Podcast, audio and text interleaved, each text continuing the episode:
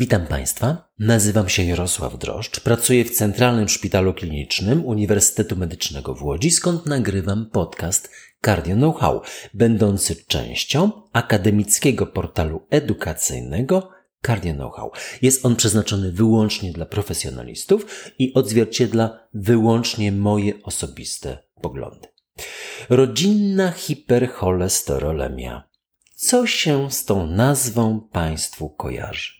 Dla większości z Was to schorzenie, o którym uczyliśmy się na studiach i Państwo, i ja.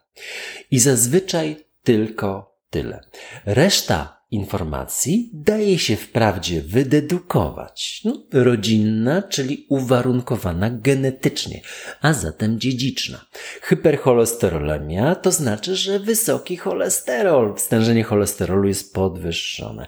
Najlepsi dodają do tego jeszcze, że chodzi o ten zły cholesterol, LDL i jego receptor. Ile podwyższony?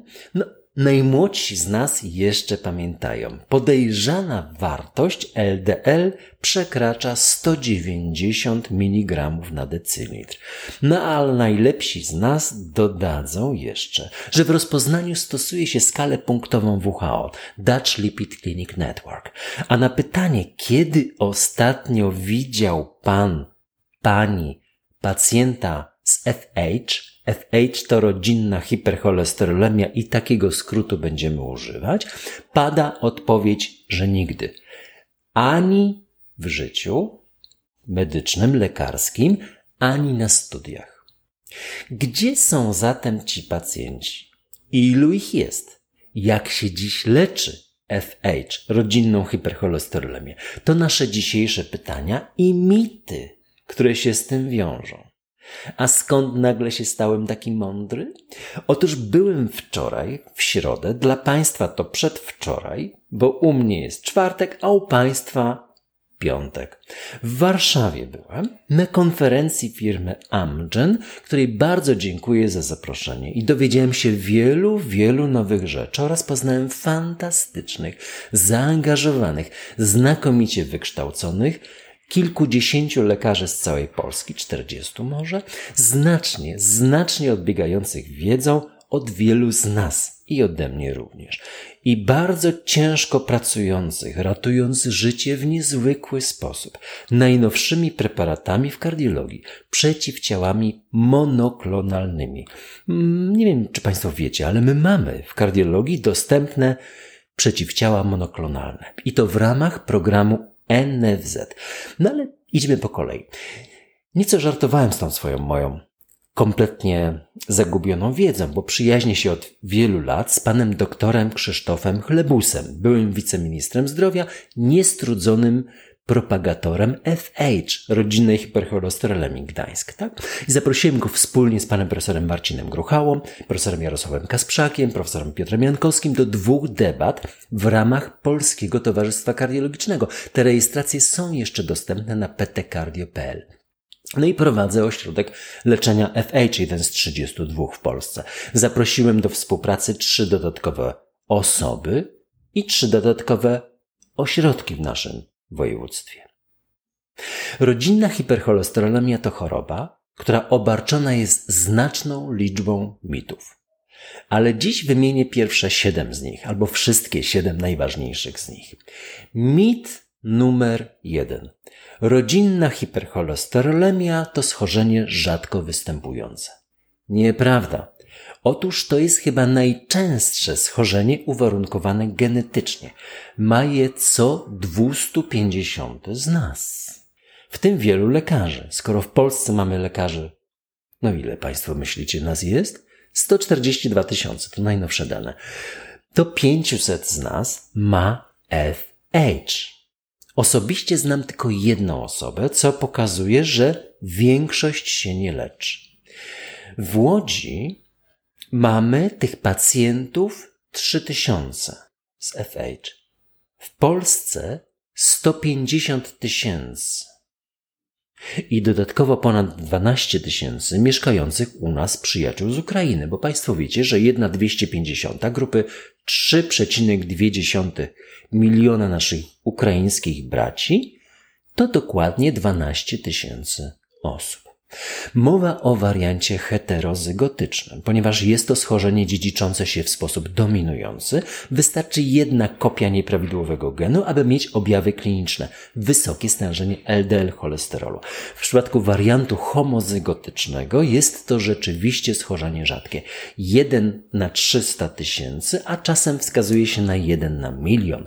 I osobiście nie znam żadnego pacjenta, ale też nie miałem zbyt wiele czasu, żeby go poznać, bo nadrobić te zaległości należy szybko. Ci pacjenci umierają w drugiej, trzeciej dekadzie życia. Heterozygoci, i temu poświęcony jest ten podcast, przede wszystkim mają nieco więcej szczęścia, umierają w czwartej, piątej dekadzie życia. Gdybym był heterozygotą, najpewniej już bym nie żył. Na co Umierają na zawał serca i udar mózgu, miażdżyca wielonaczyniowa, patrząc na to szerzej. Klasyczny chory ma przebytych kilka zawałów, pomostowanie aortalno-wieńcowe, kilka, kilkanaście angioplastyk, chromanie przestankowe. A przecież nie pali tytoniu i zdrowo się odżywia, jest szczupły. Ma te schorzenia, jak ma szczęście. Jak nie ma tego szczęścia, to umiera przy pierwszym zawale w 35, 38, 40 roku życia albo w 25 roku życia. Jego dzieci mają wtedy po 10 lat i nierzadko mają ten sam gen. Podsumujmy mit pierwszy. Rodzinna hipercholesterolemia to najczęstsze schorzenie uwarunkowane genetycznie u chorych, którzy nas otaczają. Mit drugi. No ktoś jednak rozpoznaje TFH i leczy. Nieprawda? Nawet wieloletni, ogromny wysiłek doktora Krzysztofa Chlebusa i Krajowego Centrum Hypercholesterolemii Rodzinnej nie zmienił radykalnie tej sytuacji, nieobecności tej choroby, przede wszystkim w świadomości polskiego lekarza. Skutkiem zaniedbań systemu edukacji, za co także i ja jako nauczyciel akademicki jestem odpowiedzialny, pacjentów leczonych poprawnie jest mało. Na przykład Wiki wskazuje, że aż 85% ludzi z FH nie jest zdiagnozowanych ani leczonych. To szokuje, ale to jest nieprawda. Nieprawda.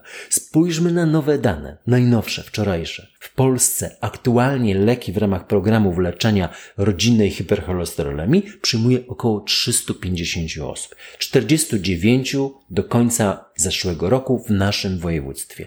Policzmy. W Polsce odsetek zdiagnozowanych i leczonych chorych z rodzinną hypercholesterolemią wy, wynosi 0,2%, w województwie łódzkim 0,5%.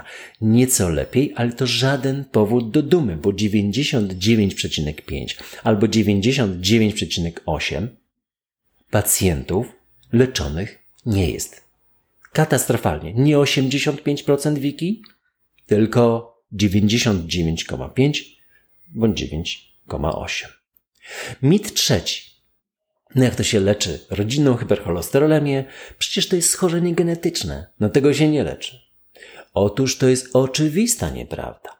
FH to mutacja w genie receptora LDL, ponad 95% przypadków, a po B PCSK9 skutkuje podwyższonym stężeniem LDL cholesterolu, jego bardziej niszczącym działaniem niż zwykle. Bardziej niż by to wynikało z samego stężenia LDL. Znacznie bardziej, ale to się leczy. Jak? No w sposób klasyczny i nowoczesny. Klasyczny sposób to dieta wybitnie ubogo-cholesterolowa, aktywność fizyczna, utrzymanie prawidłowej masy ciała oraz leki wpływające na stężenie LDL cholesterolu, statyny i ezetymib. W absolutnie maksymalnej dawce. Najczęściej rosuwastatyna 40 mg plus ezetymib 10 mg. To jest dopiero klasyczne leczenie. Niższe dawki nie wchodzą w rachubę, z wyjątkiem kilku zaledwie procent chorych z nietolerancją statyn, ezetymibu. 95% chorych z rodzinną hypercholesterolemią powinno mieć takie dawkowanie. Rosuwastatyna 40 mg, ezetymib 10. A nowoczesne leczenie? To co wyżej, bo z tego nie rezygnujemy, plus inhibitor PCSK9. Czy to leczenie jest skuteczne? Tak. Statyny to co najmniej 30% redukcja liczby zgonów, to Państwo wiecie. Ale dopiero inhibitory PCSK9 umożliwiają pacjentom z rodzinną hypercholesterolemią dożycie do wieku emerytalnego. Do początku tego wieku emerytalnego. Same inhibitory PCSK9 to 9 randomizowanych badań klinicznych, 54 tysiące chorych i 17% redukcja zgonów krótkim okresie czasu, w dłuższym oczywiście więcej. W FH leczenie nowoczesne jest zdecydowanie potwierdzone klinicznie i uznane powszechnie jako warunek dalszego życia tych pacjentów. Jeden z najbardziej skutecznie wdrożonych systemów opieki lekarskiej w ogóle, czy medycznej, czy kardiologicznej. Mit czwarty. Statyna, ewentualnie ezetymib wystarczą. No nieprawda u zdecydowanej większości pacjentów nie wystarczą. Inhibitory PCSK9 to jedno z największych dobrodziejstw współczesnej kardiologii w tej dziedzinie. To powszechna opinia wśród ekspertów rodzinnej hipercholesterolemii. I na tym się przy tym micie zatrzymam. Mit piąty. FH, ok. Rodzinna hypercholesterolemia. Zatem genetyka daje nam odpowiedź, czy jesteśmy chorzy, czy też nie. No niestety nieprawda. Znanych jest około 2000 mutacji genów w FH, a badanych jest znacznie mniej genotip LD, RL, PCSK9, ApoB, STAT1. To tylko mała część możliwości obrazu genetycznego FH, a mamy monogenową i poligenową postać i warianty ochronne genów. Można zatem nie mieć wykrytej genetycznie rodzinnej hypercholesterolemii i mieć rodzinną hypercholesterolemię. Podkreślmy zatem, rozpoznanie jest kliniczne. Skala punktowa WHO Dutch Lipid Clinic Network obejmuje ona najważniejsze elementy. Jakie? No trzy. Po pierwsze, wysokie stężenie LDL cholesterolu. Zapamiętajmy, 190 LDL u nieleczonego pacjenta albo 100 i więcej u pacjenta leczonego statyny ezytymik.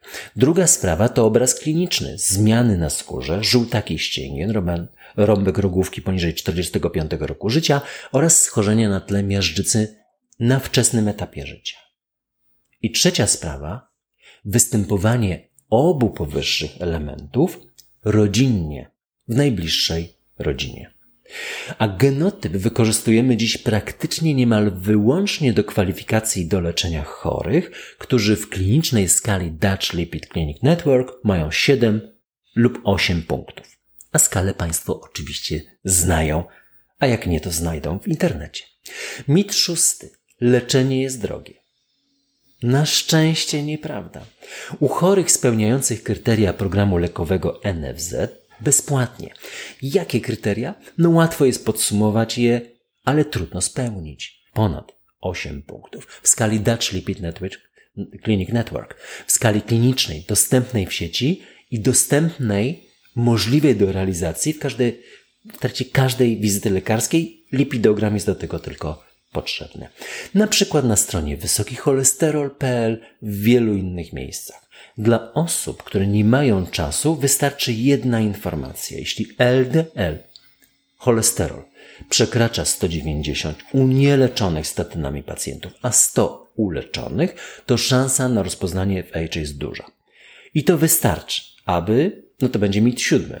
Ale za moment, gdy dochodzi do tego wywiad rodzinny, zresztą obecny w tej skali, oznaczający zawał mężczyzny przed 55 rokiem życia lub kobiety przed 60 rokiem życia, to mamy już wysoki stopień pewności. Resztę zrobimy sami. Bo mit siódmy. Leczenie jest niedostępne. No nieprawda, na szczęście nieprawda. Mówię tu o nowoczesnym leczeniu, czyli inhibitorach PCSK9, będących przedstawicielem najnowocześniejszej jednej z najnowocześniejszych i najbardziej zaawansowanych technologicznie terapii w medycynie, grupa przeciwciał monoklonalnych. Jest dostępna. I tu wrócę na moment do wczorajszego spotkania. Wyobraźcie sobie Państwo klimat. Kilkadziesiąt zafascynowanych młodych lekarzy. Ja coraz częściej mówię młodych lekarzy, ale po prostu wszyscy są młodsi niż ja. W związku z tym młodych lekarzy, ale miło na tych lekarzy patrzeć. Zaga zaangażowanych do tego, co powinien czynić lekarz, czyli pomocy potrzebującym pacjentom, śmiertelnie chorym, umierających w trzeciej, czwartej, piątej dekadzie życia. Znacznie młodziej niż ja mam aktualnie. W waszym wieku bo Państwo wiecie, że mniej więcej połowa z Was jest w wieku 25-45. Pacjenci w FH umierają tak młodo, w większości nie mając poczucia choroby. Młodzi, w większości lekarze szukają młodych, w większości pacjentów, którzy umierają, których koniecznie trzeba aktywnie poszukiwać. I w tej grupie wczorajszej naprawdę świetnie funkcjonujących, ciężko pracujących ludzi, znaleźliśmy, ja też jestem z wyjątkiem tego przydomku młody, dotychczas 350 pacjentów i leczą ich skutecznie w 32 ośrodkach w kraju, aby uratować im życie. To mało. Powiedziałbym, że to bardzo mało, ale to nie jest wina tych kilkudziesięciu ludzi. Te 142 tysiące lekarzy w Polsce powinno, patrząc na lipidogram, skierować pacjenta z LDL cholesterolem powyżej 190 bądź 100 leczonych do jednego z kilkudziesięciu osób w 32 ośrodkach w Polsce, aby uratować im życie. Wysyłając do tych poradni, listę umieszczam na Cardio Know-how w transkrypcie. Ta lista jest najbardziej aktualna, 32 ośrodki. Jest troszeczkę starsza lista w Krajowym Centrum bądź w, na stronie y, Wysoki Cholesterol, ale my mamy tą najbardziej aktualną listę 32 ośrodków. Napiszcie Państwo. Rodzinna hipercholesterolemia na skierowaniu. Pilne, ratunek życia. Prześlijcie numer telefonu pacjenta inne dane. Z pewnością w każdym z tych 32 ośrodków pacjent znajdzie lekarza odpowiedzialnego za program lekowy NFZ, bo tylko tak można ich uratować, omijając kolejkę, która jest we wszystkich Państwa ośrodkach. I uratujecie Państwo nie tylko jedno życie, wysyłając jednego pacjenta. To zaskakujące, ale prawdziwe. Dlaczego? Bo w każdych z tym 32 ośrodków pacjent otrzyma lek, ale także członkowie jego rodziny otrzymają zaproszenie do wizyty, bo to jest przecież rodzinna hipercholesterolemia i całymi rodzinami pacjenci mogą się zgłaszać na badanie, każdy z własnym lipidogramem i całymi rodzinami można ich leczyć. Tak, wysoki cholesterol albo cardio know-how. Zapraszam Państwa oczywiście na cardio know-how. I teraz najważniejsza rzecz. Państwu się wydaje, że to LDL jest trucizną i to się jest prawda.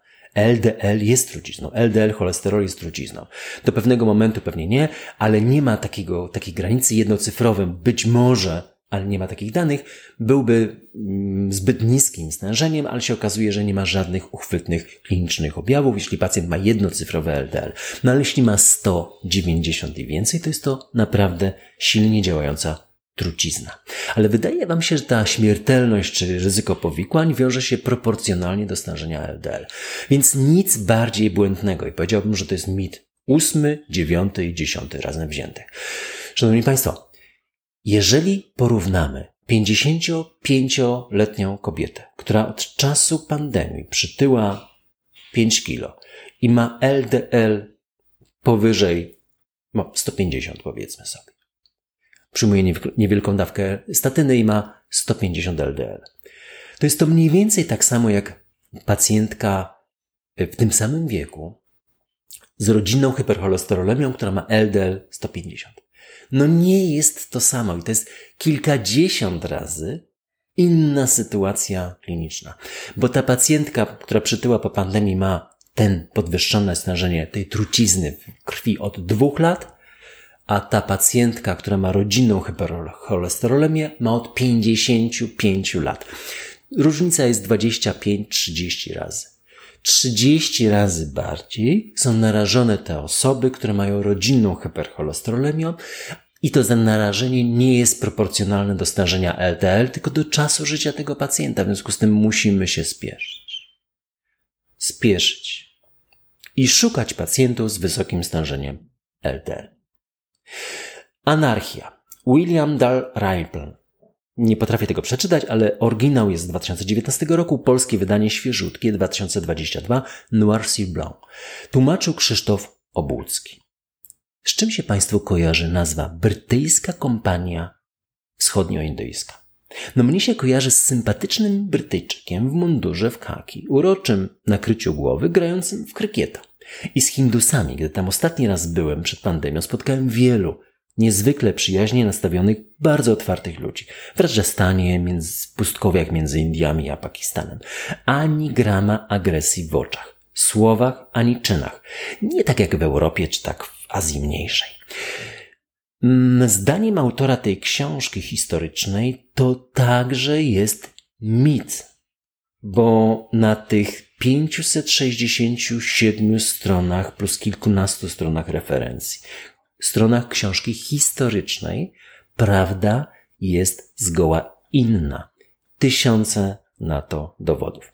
I drugie pytanie. Kiedy powstała pierwsza globalna korporacja?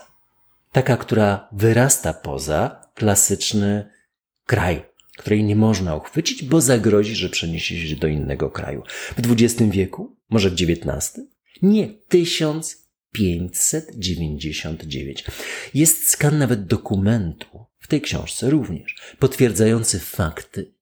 Fakty mówiące o anarchii brytyjska kompania wschodnio-indyjska. Fascynująca lektura. Jeśli Państwo będziecie mieli jakieś uwagi, komentarze, pytania, kierujcie na media społecznościowe Cardio Know-how. Będę też bardzo Państwu wdzięczny za promocję podcastów wśród lekarzy i komentarz choćby jednym słowem i oceną. Slawa Ukraini!